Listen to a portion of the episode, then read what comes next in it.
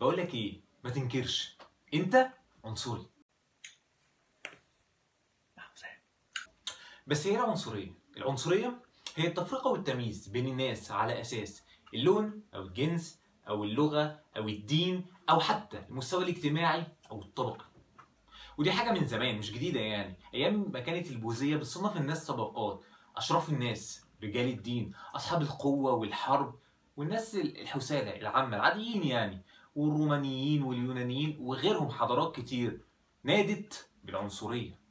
عارف حتى العرب أيام الجاهلية زمان فخرهم بالأنساب وإن الواحد يقعد يتمنظر ويفخم في القبيلة بتاعته وينشد فيها ويقول كلام حلو ده كان موجود لدرجة إن واحد من الشعراء اسمه عمرو ابن كلثوم قال إذا بلغ الرضيع لنا فطاما تخر له الجبابر ساجدين أنت متخيل مان مسألة من الأزل قديمة قوي أصلها. عارف أول عنصري نسمع عنه كان إبليس.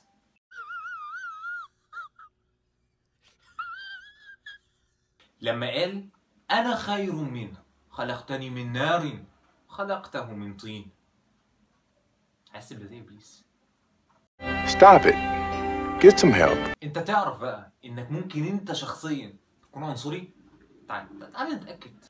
بس الواحد مننا بيميل للعنصرية الجنس البشري عامة بيتعاطف مع الحاجة القريبة منه وأنت كشخص بتحب تتعامل مع الشخص القريب منك جينيا. وده كان رأي دكتورة فيكتوريا آيسس من جامعة ويسترن أورانيوم لما قالت إن فرصتك إنك تتقبل الشخص اللي قدامك بتكون أكبر لو شفت إن جيناته قريبة منك.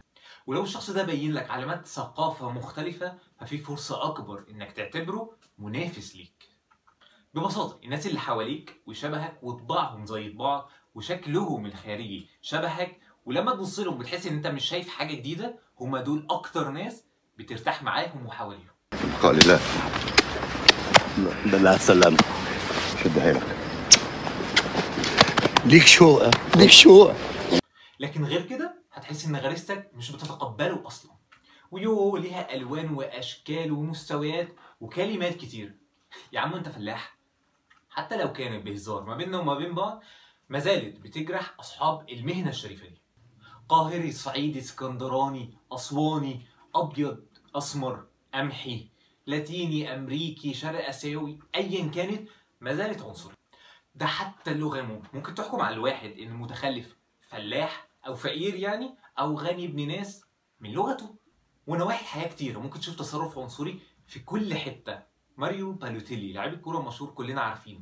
كان بيعيط في الملعب من كتر الإهانات والشتايم اللي كانت بتتقال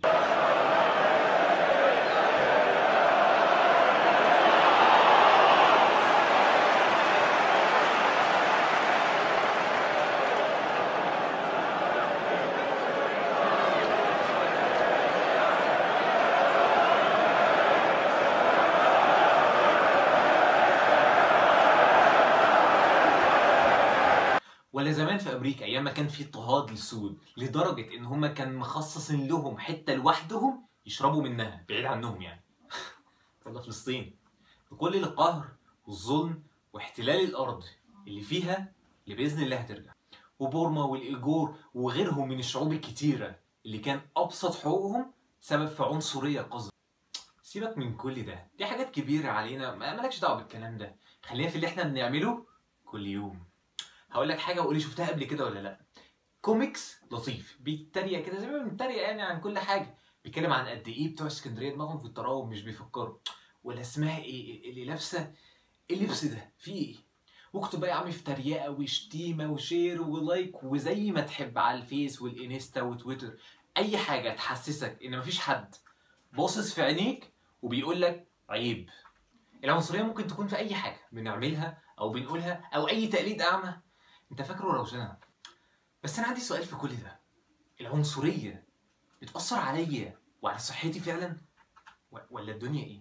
تعال نسمع من الدكتوره روزي فيليبس رئيس الجامعة الأمريكية لعلم النفس بتأكد خطورة العنصرية على الصحة النفسية والعاطفية والجسدية. مش بس كده دي سبب أساسي في الاكتئاب وتدني قيمة الذات وإنك كاره نفسك طول الوقت. ما وقفوش عند كده. لا لا لا. تعالى بقى. ده لقوا رابط ما بين الأضرار النفسية للعنصرية وما بين الأضرار الجسدية.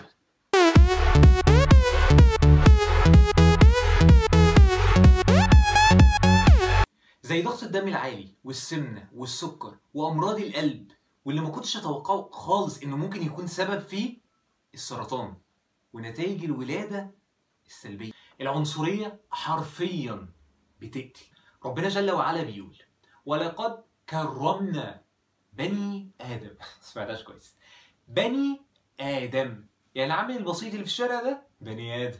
والواد الغلبان اللي بيجي يطلب منك حسنة بني آدم. أنت متخيل؟ سيدنا رسول الله أشرف البشر على الإطلاق. بيكلمك أنت وبيقول لك إن الله قد أذهب عنكم عبيه الجاهلية وفخرها بالآباء.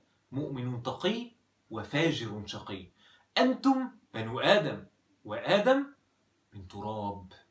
وقال لك صلى الله عليه وسلم إزاي تبص للناس وتتعامل معاهم؟ لما قال إن الله لا ينظر إلى صوركم وأموالكم ولكن ينظر إلى قلوبكم وأعمالكم. يا سادة لا فضل لعربي على أعجمي إلا بالتقوى. إن أكرمكم عند الله أتقاكم. سلام.